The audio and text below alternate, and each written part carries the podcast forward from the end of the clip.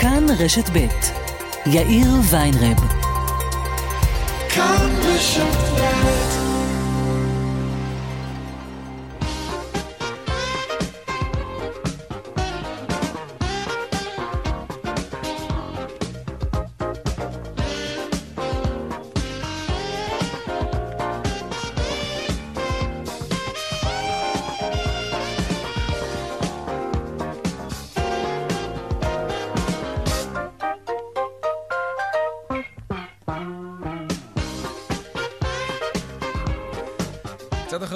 ועוד חמש דקות כאן צבע הכסף ברשת ב' יום שלישי, שלום רב לכם, העורכת יקיר ויזל אזולאי, בהפקה אביגל בסור, טכנאי השידור שלנו הוא אילן אזולאי. הדועל של צבע הכסף הוא כסף כרוכית כאן.org.il. אני יאיר ויינרב, מעכשיו עד חמש, אנחנו מיד מתחילים.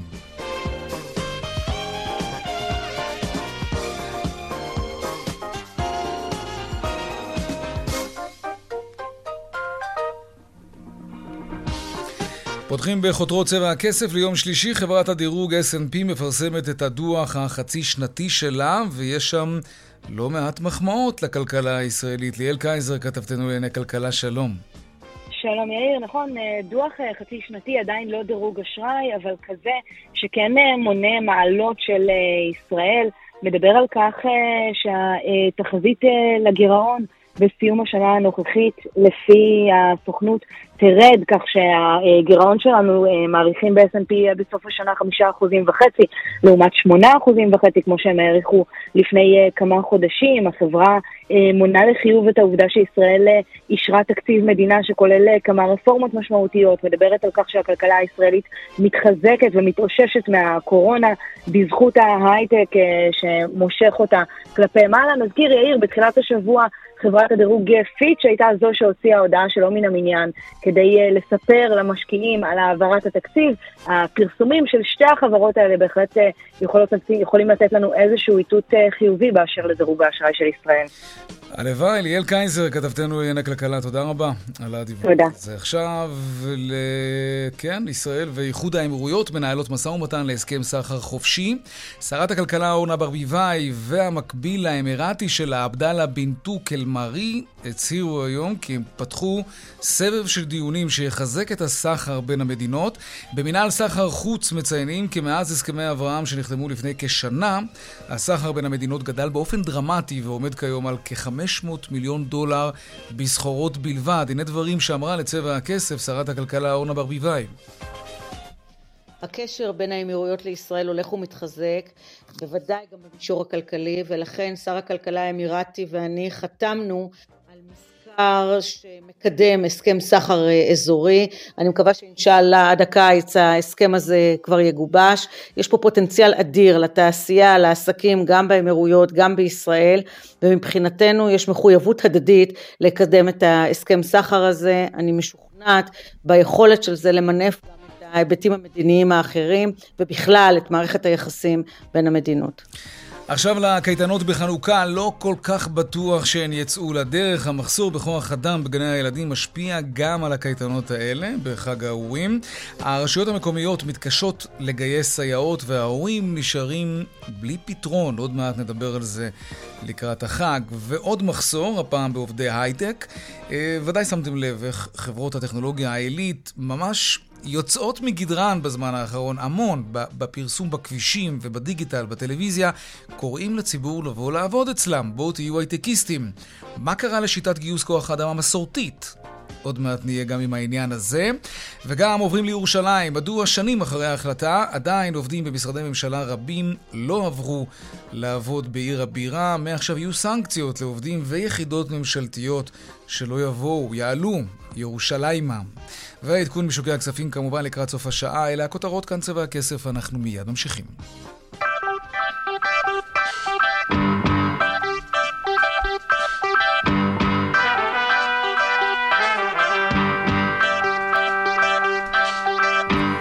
טוב, אז שמענו קודם uh, על המחמאות שקיבלנו מסוכנות הדירוג S&P, ובכלל אנחנו יודעים ש, שהמשק שלנו מתאושש. אולי היינו רוצים שזה יהיה יותר מהר, אבל, אבל הוא עדיין בכיוון חיובי. יש משהו שעלול ממש בקרוב להעיב קצת על ההתאוששות במשק ובשוק העבודה. אמנם חופש חנוכה, יהיו הרבה שיקחו חופש, אבל גם מי שיחליט להמשיך לעבוד, ייתכן שתהיה לו בעיה. המחסור בכוח אדם בגני הילדים משפיע על קייטנות חנוכה. לירן חוג'אינוב, כתבנו לענייני חינוך, שלום. שלום יאיר. אז זה קריטי בתקופה הזאת, כשכולם ככה חוזרים לעבודה וכולי. כן, אין ספק. אה, העניין הוא כמובן שיש מחסור גדול מאוד אה, בגני הילדים אה, בכוח אדם, לא רק לחנוכה, ואנחנו רואים את זה לאורך כל השנה. עסקנו בזה לא מעט, גם מחסור בגנות וגם מחסור בסייעות, אבל ברגע שזה מגיע לחופשת חנוכה, השנה דווקא כל כך שמחו במשרד החינוך, כי סוף סוף בתקציב האחרון, עניין בית הספר של החגים, גם בחנוכה וגם בפסח, mm-hmm. נכנס לבסיס התקציב, מה שאומר שכל פעם חיכו לתוספת תקציבית, הפעם זה כבר היה חלק מהתקציב, אבל הבניין הוא, כסף יש, אבל אין מי שיעבוד. עובדים. אין עובדים, אנחנו יודעים שבעיקר המחסור בסייעות בלא מעט מקומות ברחבי הארץ. רק כדי להבין, יכול... לירן, אה, בואו ניקח, נחזור רגע חזרה בזמן, לערב קורונה. גם אז היה מחסור של סייעות וגננות, או שזה איזשהו מחסור בכוח אדם שנוצר בשנתיים האחרונות בעקבות המגפה? סייעות, גננות לא חזרו לעבודה, גנים אולי נסגרו. זה באמת שילוב של uh, כמה דברים, יאיר. Uh, um, כמובן שהיה מחסור בסייעות שקיים תמיד, אנחנו, יודעות, אנחנו יודעים בעצם מי מגיע uh, לעבוד כסייעות, זה בדרך כלל נשים, uh, אפשר לומר גם uh, בדרך כלל הנשים החלשות, הן מקבלות שכר מינימום, בלי כל מיני תוספות שנותנים להן, ולא כולן רוצות לבוא להיות סייעות. תוסיף לזה את עניין באמת הקורונה, חלקם גם נשים מבוגרות שחששו להגיע ולהיות במגע עם ילדים, ילדים, חלקם גם לא מחוסנות, כן, ולכן נוצר מצב שהגענו באמת לפיק הזה שמורגש מאוד בחודשיים האחרונים, יאיר שאין סייעות בכלל, זה קורה גם בחינוך המיוחד, זה קורה בחינוך הרגיל, אבל עכשיו הורים, למשל, אנחנו היום ביומן הבוקר דיווחנו על הורים בבת חפר, בעמק חפר, שפשוט הודיעו להם, חברים, אין אין, אין, אין קייטנה בחנוכה. נכון, משרד החינוך נותן לנו כסף, אין לנו את מי להעסיק, ולכן אם אתם רוצים, תירשמו לצהרון אה, שעולה כסף, הצהרון הפרטי שיפעל בבוקר. מה עושים ההורים? אין להם הרבה ברירה, זה או לשלם כסף או להפסיד ימי עבודה. כלומר, גם המתנה שמשרד החינוך אה, ומשרד האוצר נתנו כאן לא מועיל לכולם, ואני שומע את זה מלא מעט אה, רשויות, אם זה עמק חפר ואם זה מרחבים אה, ואם זה מטה יהודה, אה, וגם ברשויות אה, הגדולות לא מצליחים למצוא סייעות, אה, ונגיד, הסייעות מקבלות תוספת של שכר 37 שקלים לשעה, זה אומר uh, משעה שעה וחצי הבוקר עד אחת בצהריים, זה בערך עוד תוספת של אלף, uh, uh, יותר מאלף ומאה שקלים לחודש. ובכל זאת אומרים לנו במרכז השלטון המקומי, בגלל המחסור שקיים, הסייעות שכבר נמצאות בתוך המערכת עייפות mm-hmm. ותשושות, הן מעדיפות בחופשת חנוכה לנוח ולא לקבל תוספת אני יכול להבין גם את ההיגיון הזה. בואו נצרף לשיחה שלנו את חגית מגן, ראש מינהל הסכמי עבודה ושכר במרכז השלטון המקומי. שלום לך. אהלן, אחר הצהריים טובים. מה היקף הבעיה? כלומר, כמה אה, קייטנות לא יוכלו להיפתח בחג החנוכה הקרוב, מתוך הקייטנות שיכולות? אה, מספר הקייטנות שלא יכולות להיפתח לא נמצא בידי, אין לי את זה, לא אספנו את המידע הזה, אבל uh, המחסור בכוח אדם בגני ילדים uh, בשנה האחרונה אה, עם דגש כמובן על הסייעות, יש גם מחסור בגננות, אבל אנחנו מדברים על סייעות, הוא לא חדש לצערנו. ואמרתם פה בצדק ונכון שגם הקורונה לא סייעה בעניין הזה, והחל"תים שמדינת ישראל אה, נתנה בעניין הזה ואפשרו לעובדים אה, לשבת ולקבל שכר. היום כדי להביא סייעת שתעבוד בגן, כשהיא מקבלת דמי ביטוח לאומי, בשביל אה, פער של 200-500 שקל היא צריכה לעבוד 42 שעות, אין הרבה אנשים שיקומו מהספה כשיש להם את, אה, את החל"ת של ביטוח לאומי. נכון. אה, אז משבר הקורונה באמת החמיר את המצב הזה, ואין לו השפעת יתר על חנוכה או הקייטנות. זה שלא נפתחים גני ילדים, לא נפתחים גני ילדים, אנחנו כבר עדים לזה מתחילת השנה, מתקשרים מכל העיריות, בעיקר מאזור השרון, באוכלוסיות החזקות יותר, ומודיעים להורים, אין היום מה, אין לכם מה לשלוח את הילדים לגן. בימי לימודים רגילים, אני כבר לא מדברת על חנוכה, שזו הקייטנה, זה מה שנקרא דובדבן. אה, יש מחסור כללי, הוא משליך גם על חנוכה. ואנחנו מצידנו כמעסיק, כמו שנאמר כאן אה, בצדק, דאגנו לכל מה שאנחנו יכולים לדאוג במסגרת המגבלות, דאגנו לתוספת שכר של 37 שקלים עבור עבודה בחג. אבל זה נקודתית, זה רק לקייטנה. יכול מאוד להיות אולי שצריך לעשות איזושהי, איזושהי רוויזיה ולהבין שאם אנחנו רוצים למלא את מכסת כוח האדם במקצוע הסייעות, צריך פשוט להעלות שכר. גם אם היו חותכים היום את השכר הממשלתי שנותנים לרופאים בבתי חולים ממשלתיים, היו חותכים בחצי, אז לא היו באים רופאים לעבוד כמובן. אני מסכימה איתך, ומרכז שלטון מקומי וחיים ביבס, הוציא, יושב ראש המרכז, הוציא מכתבים לשרת החינוך, לשר האוצר, קורא להם לתת פתרון כלל מערכתי ברמה הארצית. לשלם יותר, זאת המשמעות. זה לא רק לשלם יותר, אנחנו נתנו בהסכמים האחרונים תעדוף לסייעות, נתנו להם תוספות שכר על פני אוכלוסיות אחרות, כי הבנו כבר ב-2012 שנתנו את התוספות שאנחנו לפני שוקת שבורה.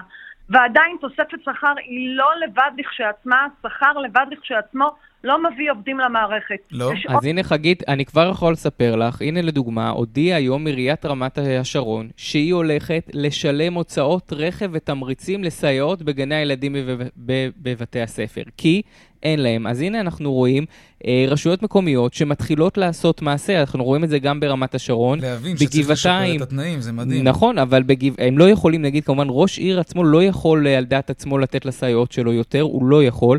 ראינו שבגבעתיים ראש העיר הודיע שהוא הולך לגייס אה, סטודנטים וסטודנטיות כדי שיעזרו. אה, ושוב אנחנו רואים כאן את עניין הפערים, לרמת השרון יש, לגבעתיים יש, והרשויות החלשות שוב נשארות מאחור. Mm-hmm. אז נכון. אה, א', אנחנו עדים ליוזמות היצירתיות האלו שעולות מהרשויות, וזה נכון, ולכן צריכה אה, להיות פה אה, בנייה כלל מערכתית ולא ספורדית של רשות כזו או אחרת. אגב, אתה ציינת בצדק את רמת שרון, את גבעתיים, לפני בדיוק דקה אמרתי שהקושי בגיוס הסייעות הוא בעיקר ברשויות סוציו-אקונומיות מאוד מאוד חזקות, ברשויות שהאוכלוסייה שם מאוד חזקה, והאוכלוסייה עצמה מלכתחילה היא, היא כזו חזקה שלא מגיעה בכלל לעבוד כסייעות. הם לא רוצים לצאת לעבוד בשביל שכר כזה, וכן, זה... ונגיד זה כמובן גם עבודה קשה. זה גם מבליט את ההבדל בין רשויות חזקות לחלשות. עבודת הסייעות לאורך השנים הולכת ונהיית הרבה יותר קשה. בעבר לא היה את כל הקייטנות של בתי ספר של החגים, לא היה קייטנות בחנוכה, בפסח, לא היה קייטנות בחופש, בחופש הגדול. כן. זה עבודה, סייעת הייתה מגיעה, עובדת, ובחופשות הייתה יוצאת למנוחה. אבל גם כאן אף אחד לא מכריח אותה לעבוד, אומרים לה, את רוצה לעבוד, תרוויחי עוד לא, לא, כסף, והם לא באו. אתה יכול להכריח, אני לא בטוח שזה אפשרי. ההסכם הקיבוצי וחוקת העבודה וההסכם שעשינו לקראת אה, בתי ספר של החגים מחייבות את כל הסייעות שהתקבלו החל מ-2015, מחייבות אותן לעבוד בקייטנות. אה, אז כך שזה לא נתון לבחירת סייעת, זה כן נתון לבחירת הסייעות הוותיקות יותר, אה, אלה שאנחנו מכירים בעובדה שלאורך השנים שהם עבדו שנים ארוכות ללא עבודה בחופשות, אפשרנו את זה לבחירה שלהם. אז הסייעות שמחויבות לעבוד, איתם אין בעיה? יש רק עם אלו שצריכות לעשות את זה על בסיס וולונטרי? נכון. אוקיי.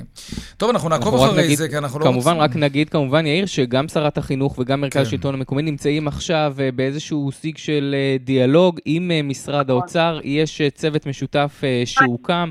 כדי באמת לטפל במחסור בגננות וסייעות, וצריך הסכמה של משרד האוצר בעיקר. כן. נכון, כלומר, אנחנו מדברים כל הזמן, אנחנו יודעים על גני ילדים שפשוט לא נפתחים. ההורים נשארים הילדים בבית כי אין סייעת או אין גננת. נורמלי. ואין ספק שזה בעייתי. לירן חוג'יינוב, כתבנו לענייני חינוך, תודה רבה. וחגית תודה. מגן, ראש מינהל, ראשת מינהל הסכמי עבודה ושכר במרכז השלטון המקומי, תודה רבה גם לך. תודה לכם. להתראות. טוב, לעניין הבא שלנו, ההפקרות בענף הבנייה. משרד הכלכלה יקים רשות בטיחות לאומית שתרכז את המאמץ למגר את התופעה האיומה הזאת, שגובה בכל שנה את חייהם של עשרות פועלים לעיתים. שלום יאיר גולן, סגן שרת הכלכלה, שלום לך. שלום, אה, אחר צהריים טובים. אתה תעמוד בראש הרשות הזאת, תסביר למה צריך אותה ומה היא תעשה. היום כל מה שקשור לבטיחות בעבודה למעשה מתחלק בין שני גופים עיקריים. אחד זה מפקח העבודה הראשי או מנהל, ה... מנהל הפיקוח שבמשרד כן. הכלכלה והתעשייה, זרוע העבודה, ומקום שני שבו יש נדבך מקצועי מאוד מאוד חשוב, זה המוסד לבטיחות וגאות. אה, שני הגופים האלה למעשה עובדים עם תוכניות עבודה שונות, אה, ללא הכוונה משותפת, ללא ריכוז מאמץ, יש 40 מדריכים במוסד לבטיחות וגאות, 60 מפקחים במינהל. אין היגיון, צריך לאחד כוחות, לייצר תוכנית עבודה משותפת, לעבוד באופן ממוקד, לדעת להפעיל פעם הדרכה ופעם פיקוח, פעם חניכה ופעם ענישה. וצריך באמת לגבש מוסד שהוא מוסד מודרני, שיודע לעשות קשת רחבה של פעולות, שכל תכליתן לצמצם את הסיכונים באתרי העבודה ובאתרי הבנייה.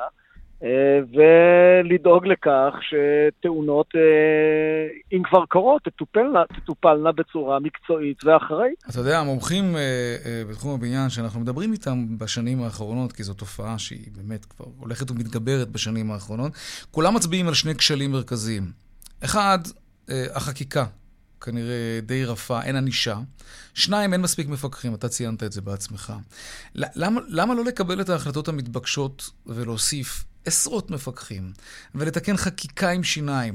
אה, להקים רשות זה, זה מנגנון שעלול לא, לא, להיות לא, עסוק לא. בעצמו ופחות אני במטרה. אני רוצה לומר לך שהקמת הרשות זה ממש לא פתרון פלא, צריך לטפל בשורה ארוכה של דברים. בדברים שלי היום, בכנס, אה, בכנס של התאחדות הקבלנים בוני הארץ, עם ההסתדרות, עם הקרן לעידוד ענף הבנייה, אה, בנוכחות של באמת עשרות רבות של מאות אנשי הענף. דיברתי על שבעה אה, תחומים שונים שצריכים להיעשות כולם, כדי שבאמת אה, יהיה שינוי. אחד מהם למשל זה תחום האכיפה. כמה כתבי אישום למשל הוגשו השנה ובשנה שעברה נגד קבלנים או מנהלי עבודה? מעט מעט מדי, למה? חד משמעית. למה? מה מסביר את זה? מכיוון שאחד, יש כוח אדם באמת מאוד מצומצם, ומן הצד השני, גם הענישה, כמו שציינתם, היא לא מספיק אה, נמרצת. וגם לא כל דבר צריך לעבור, אתה יודע, תהליך אה, משפטי ארוך, שבסופו של דבר מתיש את המערכת. אה, כשם שאתה יודע, שוטר יכול לעצור אותך, לתת לך מיד קנס על אלף שקל, וזה לא עולה לבית משפט ולא כלום, זה, אתה, זה, זה במקום. כן. ככה חייב להיות אה, נוהל דומה גם ביחס לאתרי בנייה. זה בלתי נסבל שכל דבר מכניס אותנו להליכים משפטיים שבסופו של דבר לא מסתיימים אף פעם. לכן אני חושב שיש פה שינוי מקיף. השינוי הזה צריך לעסוק בהקמת רשות, אבל יש לו עוד שישה נושאים אחרים, כמו למשל חקיקה מודרנית, אנחנו עם חקיקה נורא מיושנת בתחום, כמו הנושא של קימום ענף הבריאות התעסוקתית, המצב היום הוא קטסטרופלי, זה לא מטופל ברמה אה, ראויה. כמו הנושא שלמשל, לא כל הפיקוח צריך לעשות על ידי הממשלה, חייבת להיות מעורבות של הרשויות המקומיות. גם כמובן צריך לתגבר ולחזק את הרשויות המקומיות, כדי שהם יוכלו לעשות את זה. תגיד, יכול להיות אה, שיש בעיה גם בשיטות העבודה, וישנם מקרים שהם לא בגדר הפקרות, אלא בגדר שיטות עבודה בעייתיות? אז זה הנושא הבא, וחייבים לטפל בטכנולוגיה מתקדמת ובאמצעים אחרים. אה, כמו למשל, אה, היינו צריכים מזמן כבר לעבור לפיגומים בטיחותיים יותר. כמו למשל להכניס לשוק עגורנים מתקדמים יותר. אה, להכניס מערכות שנשלטות מרחוק ויש בהן... אה, מה זה אומר להכניס? יש קבלנים שהם בוחרים את הציוד בעצמם, אז אתה מדבר על לכפות על מנהלי עבודה ועל קבלנים סטטוס מסוים של, של היום, טכנולוגיה? היום, היום במצב המזעזע שבו אנחנו נמצאים, חלק מהנושאים, אה, למשל, להכניס עגורן נשלט מרחוק, שבעיניי הוא יותר בטיחותי, אנחנו עדיין לא יצרנו לזה את הנוהל שמאפשר את זה. Mm-hmm. זה דבר שהוא okay. אוקיי. בלתי נסבל, אז בוודאי יש פה המון דברים שצריך לטפל בהם, ואני אומר לך, יש כשלים שהם אצלנו, בתוך המשרד עצמו, ויש כשלים שנמצאים לא במשרד אלא בשטח, וצריך לעשות פה פעולה משותפת. חובה. זה אומר, המשרד, יחד עם הרשויות המקומיות, יחד עם הקבלנים, צריכים לעבוד ביחד, דרך אגב, ביחד עם ההסתדרות שמייצגת את העובדים, ושאר איגודי עובדים צריך לעבוד ביחד, בסופו של דבר, בשביל להציל חיים. אוקיי. חבר הכנסת יאיר גולן, סגן שרת הכלכלה, תודה רבה. תודה לכם, וערב טוב. טוב, חברות הייטק התחילו לגייס עובדים באופן uh, חדשני. Uh, פרסומות בדיגיטל, בטלוויזיה, בואו לעבוד, הם קוראים לציבור, בואו להיות בהייטק. למה הן עושות את זה? Uh, הן מחפשות עובדים, זה ברור, יש מחסור אדיר של הייטקיסטים. לא, לא חסר, חסרים רק, אה, אה, לא חסרות רק סייעות או עובדי, עובדים בבניין, אלא גם ממש עשרות אלפי ידיים עובדות חסרות בענף ההייטק, אבל בשביל זה יש חברות כוח אדם, וחברות השמה, ומדורי דרושים. למה שלטי חוצות שקוראים לאנשים לבוא ולעבוד בהייטק? זה קצת מוזר. שלום דוקטור אלכס קורמן, פרשן כלכלי בכיר האקדמי תל אביב-יפו. שלום לך. שלום רב. מה זה נותן כשאתה מפרסם על שלט ענקי, בואו לעבוד אצלנו? הרי ברור שעדיף להפעיל, אה, אני יודע מה, ציידי כישרונות, או אתה יודע, כן. בוא נחשוב בקטן, חברת השמה קטנה ונחמדה שתמצא לי את המתכנת שאני צריך. כן. זהו, ציידי... שמע, בשתי מילים, אל תזכן. זה, זה השיטות, ככה, זה נורא מצחיק, אני לא יודע, ככה היו מגייסים, אני מניח, לא יודע, כשבסין היו צריכים לעבודות כפייה, אנשים עצובים היו עושים, זה, זה פשוט, זה כל כך מגוחך. אגב, תשים לב למשל, כשהשב"כ או המוסד צריכים לגייס אנשי מחשבים, כן. אז הם לא שמים שלט חוצות, בוא תפצח לנו את הגרעין האיראני, הם שמים חידה. עכשיו, נכון, למה החידה הזאת... זה מדהים הקטע הזה, כן, רוצים לראות... כן. עושים לך לדרך מבחן. בדיוק, אבל למה המבחן הזה... כן. למה המבחן הזה הוא מגניב? בגלל שמה בעצם אנשים בהייטק רוצים להיות? הם רוצים להיות קולים, חריפים, יודעים לפצח, לאכול אותך לארוחת הבוקר. נכון. אז בזה ששמים את החידה, אנשים נכנסים לאמביציה. אז, אז בצורה כזאת, אתה עושה את זה בצורה מתוחכמת. אני נכנס לאמביציה, אני אומר, מה, הקאקרים האחרים יפצחו את החידה הזאת ואני לא, מה, אני לא עושה? אז, אז כולם... עכשיו, אתה הולך, אתה רואה למשל את ההפקה הסופר סופר מושקעת הזאת של, ה, של השירים, כן. אה, של נוגה ארז וכולי. נכון. אז, מה שזה אומר, שהלכה אמדוק. בוא, בוא נשמע, אמ... בוא נשמע באמת איך זה, איך זה נשמע. כן. הנה. רגע. הנה, אילן אזולאי הטכנאי שלנו ישמיע לנו איך זה נשמע. אתה רוצה שאני אשאיר את זה? אתה יכול ביחד, במקביל, הנה. כן, תכף המילים יתחילו. אגב, אלף אלפי הבדלות, זה מזכיר לי איך גייסו במלחמת העולם השנייה חיילים לצבא הבריטי, אתה בטח זוכר את זה גם, עם השלטים האלה. עם השלטים, בריטניה כן. צריכה אותך. כן.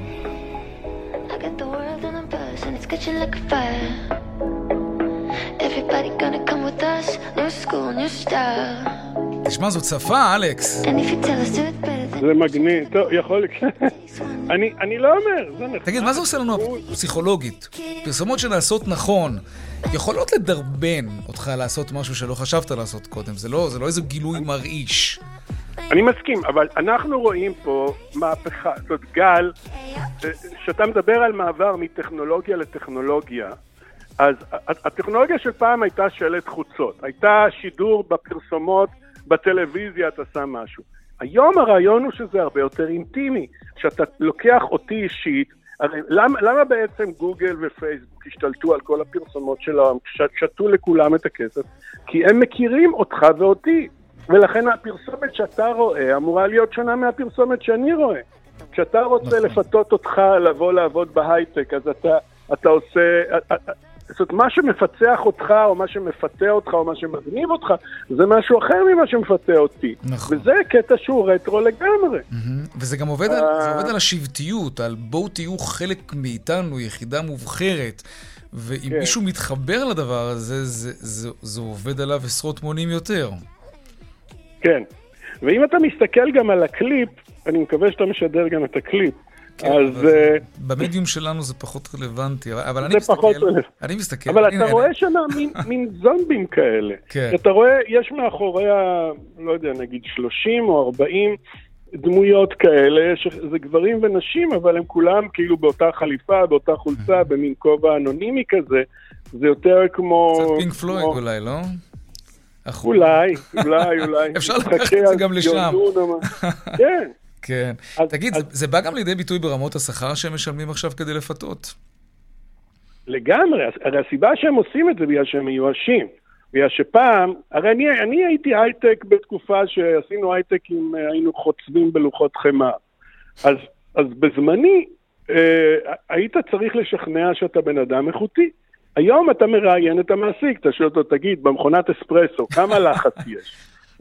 כן, אני מתאר לעצמי שזה יכול להגיע גם לרזולוציה כזאת, אבל תגיד, איך זה יכול להיות שה start-up nation, מדינת ישראל, לא מצליחה לייצר את כמות כוח האדם שמתאים לקטר של המשק שלה? להייטק. אנחנו מדברים על 30-40 אלף עובדים שחסרים כן. בענף ההייטק כבר הרבה מאוד שנים. כולם גם רוצים להיות הייטקיסטים. נכון. אז איך זה שהאוניברסיטאות והמכללות והתיכונים, אתה יודע מה, אפילו צה"ל, לא מייצרים את הכמות הזאת שאנחנו זקוקים לה? אז תראה, קודם כל, אנחנו מצליחים מעל ומעבר. אתה רואה שהשקל חזק בגלל שכולם קונים את החברות הישראליות. בכל זאת, יש לנו הצלחה ממש מפתיעה.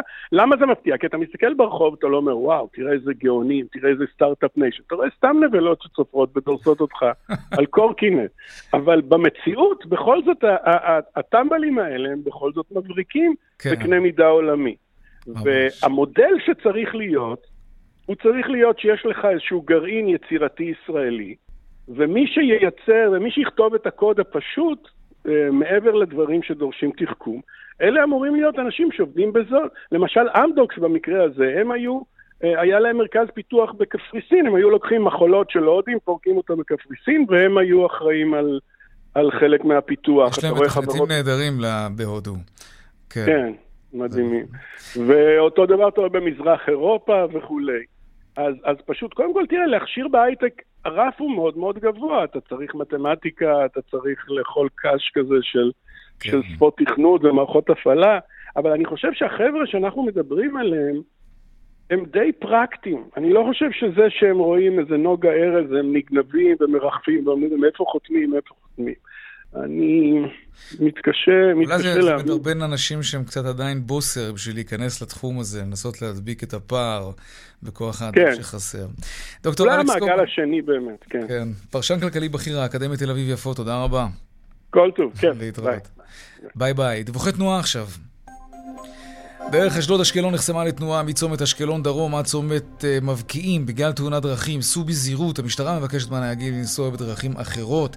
בדרך שש צפון העמוס מנשרים עד בן שמן ומקסם עד אייל, ובהמשך uh, ממחלף בקה עד עירון. עדכוני תנועה נוספים בכאן מוקד התנועה, כוכבי 9550 ובאתר שלנו, אתר התאגיד, אתר כאן, הפסקת פרסומות ומיד אנחנו חוזרים עם עוד צבע הכסף.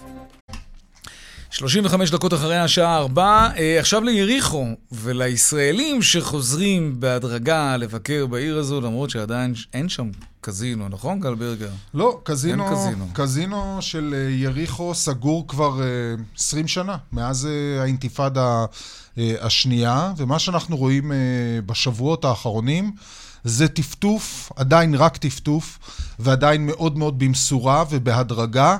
של קבוצות uh, של מטיילים ישראלים ביריחו, אנחנו שומעים שם מהמקומיים, שכנראה שבשבועות האחרונים uh, היד פחות, uh, לא רוצה להגיד יותר קלה על ההדק, אבל פחות קשה על ההדק בכל מה שקשור ב...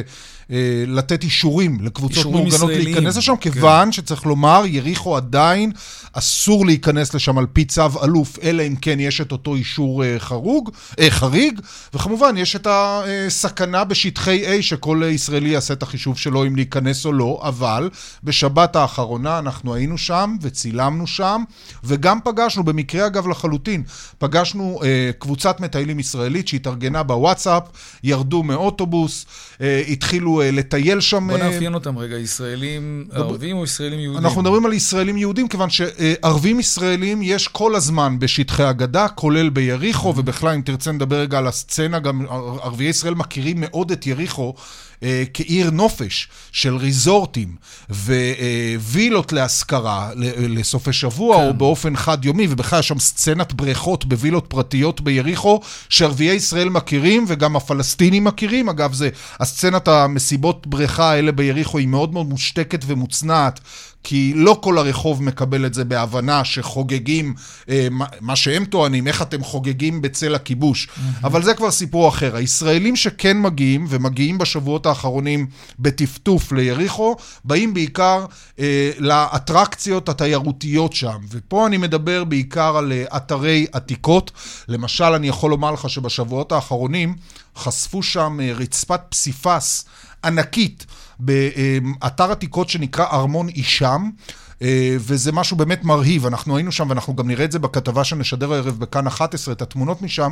אה, אז מגיעים למשל לאתרי עתיקות, תל יריחו, מאוד מפורסם. לא הולכים לקזינו במלון אואזיס שנמצא בכניסה ליריחו, כיוון שהוא סגור. אגב, השמועות מספרות שהכל עומד שם בקזינו עדיין. הז'יטונים באותו מקום, המכונות באותו מקום, פשוט מעלה אבק, והסיפור הזה סגור. אז הולכים לאתרי עתיקות. אה, אה, עולים על הרכבל של יריחו, זה הרכבל היחיד בגדה שמעלה את התיירים אה, או את המטיילים אל פסגת הר הקרנטל, אותו הר שעל פי האמונה הנוצרית השטן ניסה להניע את ישו או להעביר אותו על אמונתו, עולים לשם, גם אני עליתי אגב ברכבל הזה. מה שאני לא אוהב לעשות בדרך כלל, והולכים למסעדות. אגב, ביריחו היא שופעת אטרקציות במונחים של פארקי מים ופארקי אה, שעשועים. פתוחים? בנה, פתוח. לא אמרנו מילה בנ... על קורונה, רגע. בננה לנד, טייגרלנד, אקווה, אקווה ספארי. מה? הכל פתוח, תווים ירוקים, אה, הגבלות קורונה. אה, זה פתוח, תראה, תראה. נאמר שיש ישראלים שזה מעניין אותם עכשיו, רוצים ללכת לראות גם אטרקציות וגם. אז עוד פעם, לפני שהישראלים כן. עולים, מה שנקרא, נוהרים באוטובוסים כן. ליריחו, עוד פעם נאמר, הכל צריך אישור חריג מהצבא ולא תמיד ייתנו להם. צריך להגיש בקשה, והצבא מחליט אם הסיטואציה והאווירה באותו זמן נתון מתאימה ומאפשרת, כן. ולאיפה בדיוק אפשר להיכנס, אם בכלל. זה כולל לינה אגב, או שהם נוסעים וחוזרים? לא, לא, זה טיולי יום. טיולי יום. אה, טיולי יום. שוב, אנחנו נתקלנו בטיול כזה אה, בשבת, ואתה יודע מה, בוא נשמע חלק מהקולות אה, של אותם טיילים שפגשנו ביריחו בשבת האחרונה. הנה. אני באה בגלל הארכיאולוגיה, זאת אומרת, זה מה שמעניין אותי. זה מקומות שאני לא יכולה להגיע אליהם חוץ מדיון מאורגן. קיבלנו איזה, יישוב ביטחוני. זה לא מקום מסוכן, זה נראה לך מקום מסוכן? מה, לא כל ישראלי מגיע ליריחו לבקר? למה לא? אני לא מרגיש תחושה של פחד או משהו. שניים. תודה. איך יריחו בעיניכם? מעניינת.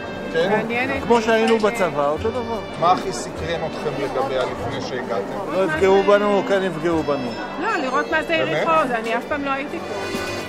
אז יש קצת חששות, אתה שומע, הרבה באים בלי חשש, אנשים בעיקר מסוקרנים, לא כל יום אה, אתה אה, נוחת ככה בעיר פלסטינית. למעשה, יש שתי ערים פלסטיניות שהייתי אומר הן מוקד משיכה לתיירים מחוץ לארץ ותיירות פנים, אם זה ערבים ישראלים או אה, ישראלים, זה בית לחם, וזאת יריחו, ששופעת את אתרי העתיקות וכולי. אגב, אני אתן לך רק ככה מושג, למשל, אתה לוקח היום חדר למשפחה בריזורט מאוד נחשק כן, ביריחו. יריחו, כן. אה, שישי-שבת, זה יעלה לך 850 שקל לזוג הורים עם שני ילדים, שלושה ילדים, 850 שקל עם ארוחות. איך נראה הריזורט הזה? הכל זה, כלול.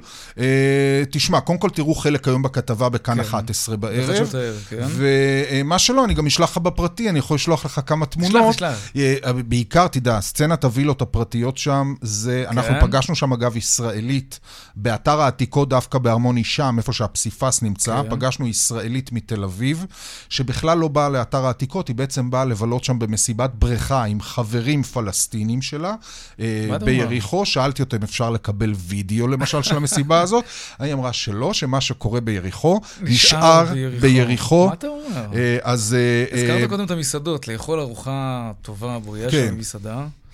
אז בוא נגיד שוב, כמה... נלך על זוג עם uh, שני ילדים, כן. uh, זה יכול, ארוחת צהריים למשל, שכוללת בשר וסלטים, 150-170 שקל. משלם בשקלים? אתה משלם בשקלים, בכלל, בכל השטחים אתה משלם בשקלים. 150 שקל ארוחה? זה הרבה?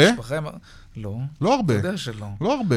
מה אתה אומר? עם ה-850 שקל של הריזורט, אתה סיימת אחלה סוף שבוע. יש לך עוד עודף. אה, כן, כן, ולגבי קורונה, תשמע, בגדול אני אומר לך, בכל השטחים, יאיר, הקורונה בערך מהחודש השני שהיא באה לחיינו ולחייהם של הפלסטינים, בערך מהחודש השני הכל פתוח שם, של הקורונה בעצם. אז אה, אין יותר מדי, אה, אין דברים כאלה סגור, לא סגור, הם הלכו מההתחלה על חסינות עדר, ועל הבא באללה. אז אני באמת מזמין את כן. כולם לצפות הערב בכאן 11, בכתבה, הישראלים כן. שחוזרים ליריחו, שוב, עדיין בטפטוף, עדיין רק באישור. חריג. גל ברגר, תודה רבה. תודה. טוב, אה, עוד משהו שתוכלו לראות היום בחדשות הערב בכאן 11, שלום שרון עידן. שלום יאיר. חשיפה ארכיאולוגית ששמעתי, ככה שמעתי, שמגדירים את החשיפה הזאת נס חנוכה. עד כדי כך? זה מסקרן. כן, תראה, אתה יודע, כל פעם שאנחנו מוצאים כל מיני דרישות שלום מהמכבים ומהחשמונאים כן. ומיוחנן אורקנוס וכולי, אז זה כמובן אה, מתחבר היטב לחנוכה שנמצא ממש אה, מעבר לפינה. תראה, אנחנו מדברים, יאיר, על אתר ארכיאולוגי לא רחוק מקריית גת, אזור לכיש, שבו למעשה נמצאו מבנים, וזה באמת די מדהים לראות את זה, הייתי היום עם צוות אה, צילום שם, כאמור לטלוויזיה, לחדשות הערב, שאתה ממש יכול לראות שהמבנים האלה נשרפו בשרפה אלימה מאוד. אה, במלחמות של ממש בין החשמונאים לבין אה, היוונים. חלק מהמקומות האלה היו מקומות שהיוונים למעשה החזיקו בהם, ובמקום עצמו אתה מוצא גם פריטים ממש מדהימים. מצאנו ממש ככה, תוך כדי הצילומים, מטבע שעליו אנחנו רואים את דמותו של אנטיוכוס מלפני אלפיים ומאה שנים. תשמע, אלה דרישות שלום אמיתיות. ממה שקרה באזורים האלה, במלחמות היוונים מול החשמונאים, ובעצם הדבר הזה, כשאתה רואה אותו ככה ממש בשטח, אתה ממש מקבל תמונה של איך נראו הדברים, למשל אותו פח שמן שנתן את שמלו שמונה ימים, אז אנחנו ממש יכולים לראות את אותם פחים שהם די קטנים, שבהם בעצם הוכנס השמן כדי שיהיה כמובן מאור, כשהם נמצאים בשטח עצמו, והייתי אומר סוג של ממש שאריות שנשארו שם מאותם קרבות בין אה, החשמונאים לבין היוונים.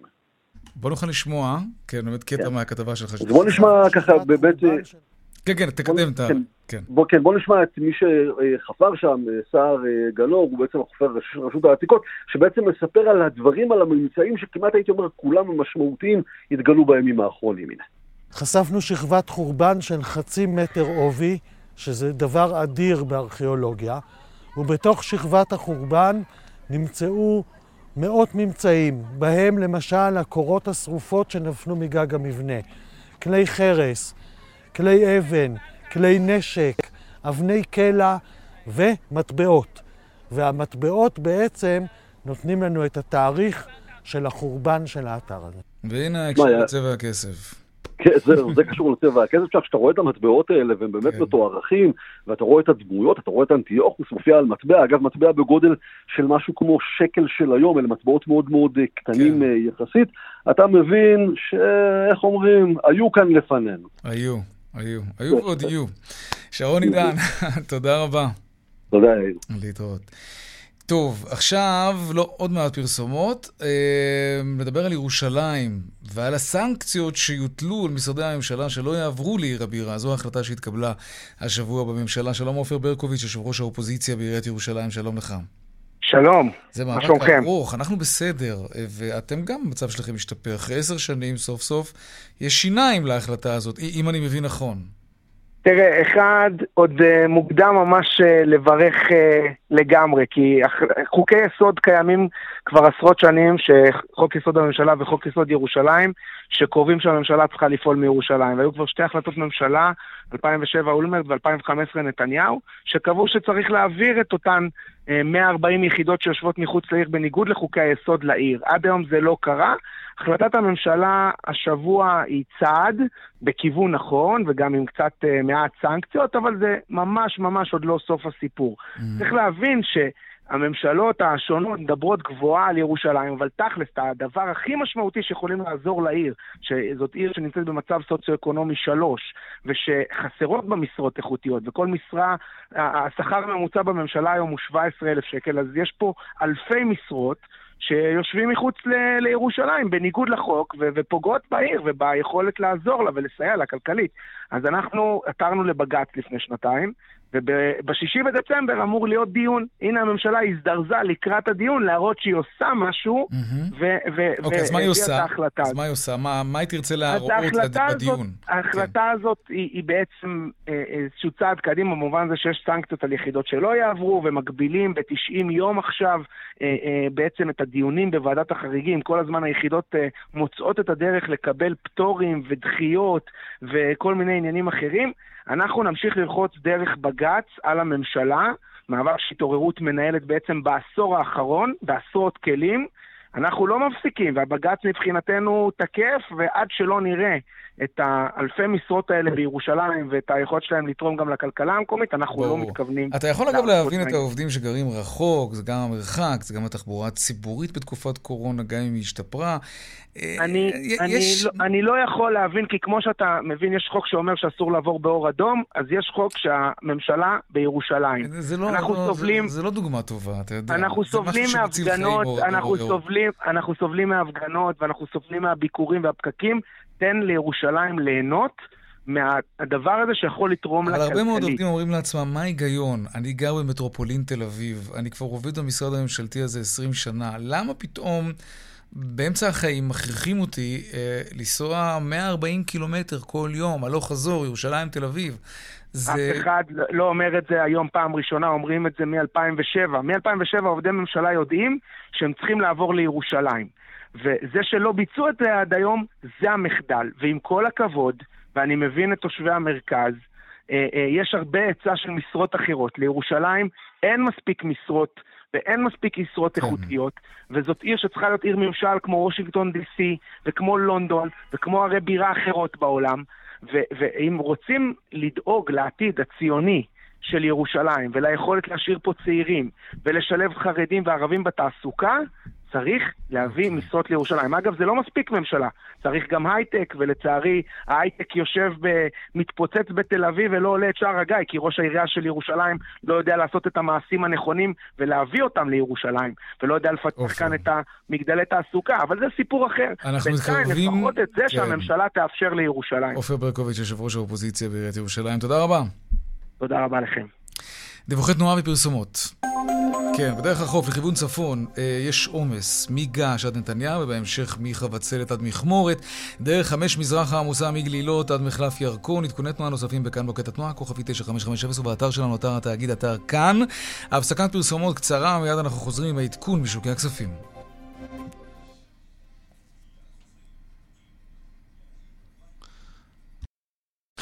שבע דקות לפני השעה חמש, עכשיו לעדכון משוקי הכספים. אייל ראובן, בעלים, אה, מנכ"ל טאוור, שלום לך. אהלן, אהלן, שלום יאיר. ספר לנו מה קורה. תשמע, אני חושב שהסיפור המעניין בימים האחרונים זה במסחר במטח. אנחנו uh, קובעים uh, תקדימי שערים uh, שלא נראו בדמותם ב-20-25 שנה האחרונות. האירו שקל עכשיו במסחר הרציף נחלש, האירו נחלש בעוד כחצי אחוז מול השקל לשלושה וחצי שקלים. האירו בכלל בעולם נמצא במגמת היחלשות, העמדה היונית של הבנק המרכזי האירופאי מחלישה אותו מול הדולר, אז האירו הוא בכלל נחלש בעולם, אבל הדולר בעולם הולך ומתחזק, ומול השקל הולך ונחלש. זה אנחנו דיברנו יותר מפעם. בסקירות שלנו על תנועות ההון האדירות, אנחנו רואים שהמגמה ממשיכה, אנחנו בשלושה שקלים 0.9 אגורות שקל לדולר, זה שפל של 25 שנה. בנק ישראל לא מצליח להתמודד, אבל כבר חייבים להתחיל לעשות משהו עם רמות השערים הללו. ליצוא הישראלי, על היצוא הישראלי זה מאוד משפיע. בקצרה, בשוק המניות אנחנו רואים היום ירידות קלות של uh, תל אביב 35, 3 עשיריות האחוז, תל אביב 125, 4 עשיריות האחוז, הבנקים יורדים היום אחרי מגמת uh, צפונה חזקה מאוד שראינו בחודשים האחרונים של עליות, היום יורדים באחוז ושתי עשיריות. Uh, מנגד, מי שעולים זה מניות התקשורת, סלקום עולה ב-7%, בזק ב-6%, שתיהן עם פרסום uh, דוחות טובים מבחינת הרווחיות ומעלים את הצפי העתידי להכנסות. אם מסתכלים על אירופה בקצרה, אנחנו ירוקים באירופה, הדקס עולה בשש עשיריות האחוז, וארצות הברית נפתחת בדקות האחרונות בצד הירוק מאוד בהיר, ה-S&P עולה בכשלוש עשיריות האחוז, הדאו ג'ונס בשש עשיריות האחוז, בסך הכל רגוע. תודה רבה, אייל ראובן, מנכ"ל טאוור. תודה לכם, יאיר. להתראות. עד כאן, צבע הכסף ליום שלישי, העורכת יקיר אביזל אזולאי, בהפקה אביגל בשור, טכנאי השידור הוא אילן אזולאי, במוקד התנועה הייתה חגית אלחייני. הדואל שלנו, כן, כסף, כרוכית, כאן.org.il, מיד אחרינו שלי וגואטה, אני יאיר ויינרב. נשתמע כאן שוב מחר, בארבעה אחר הצהריים, ערב טוב ושקט שיהיה לנו, שלום שלום.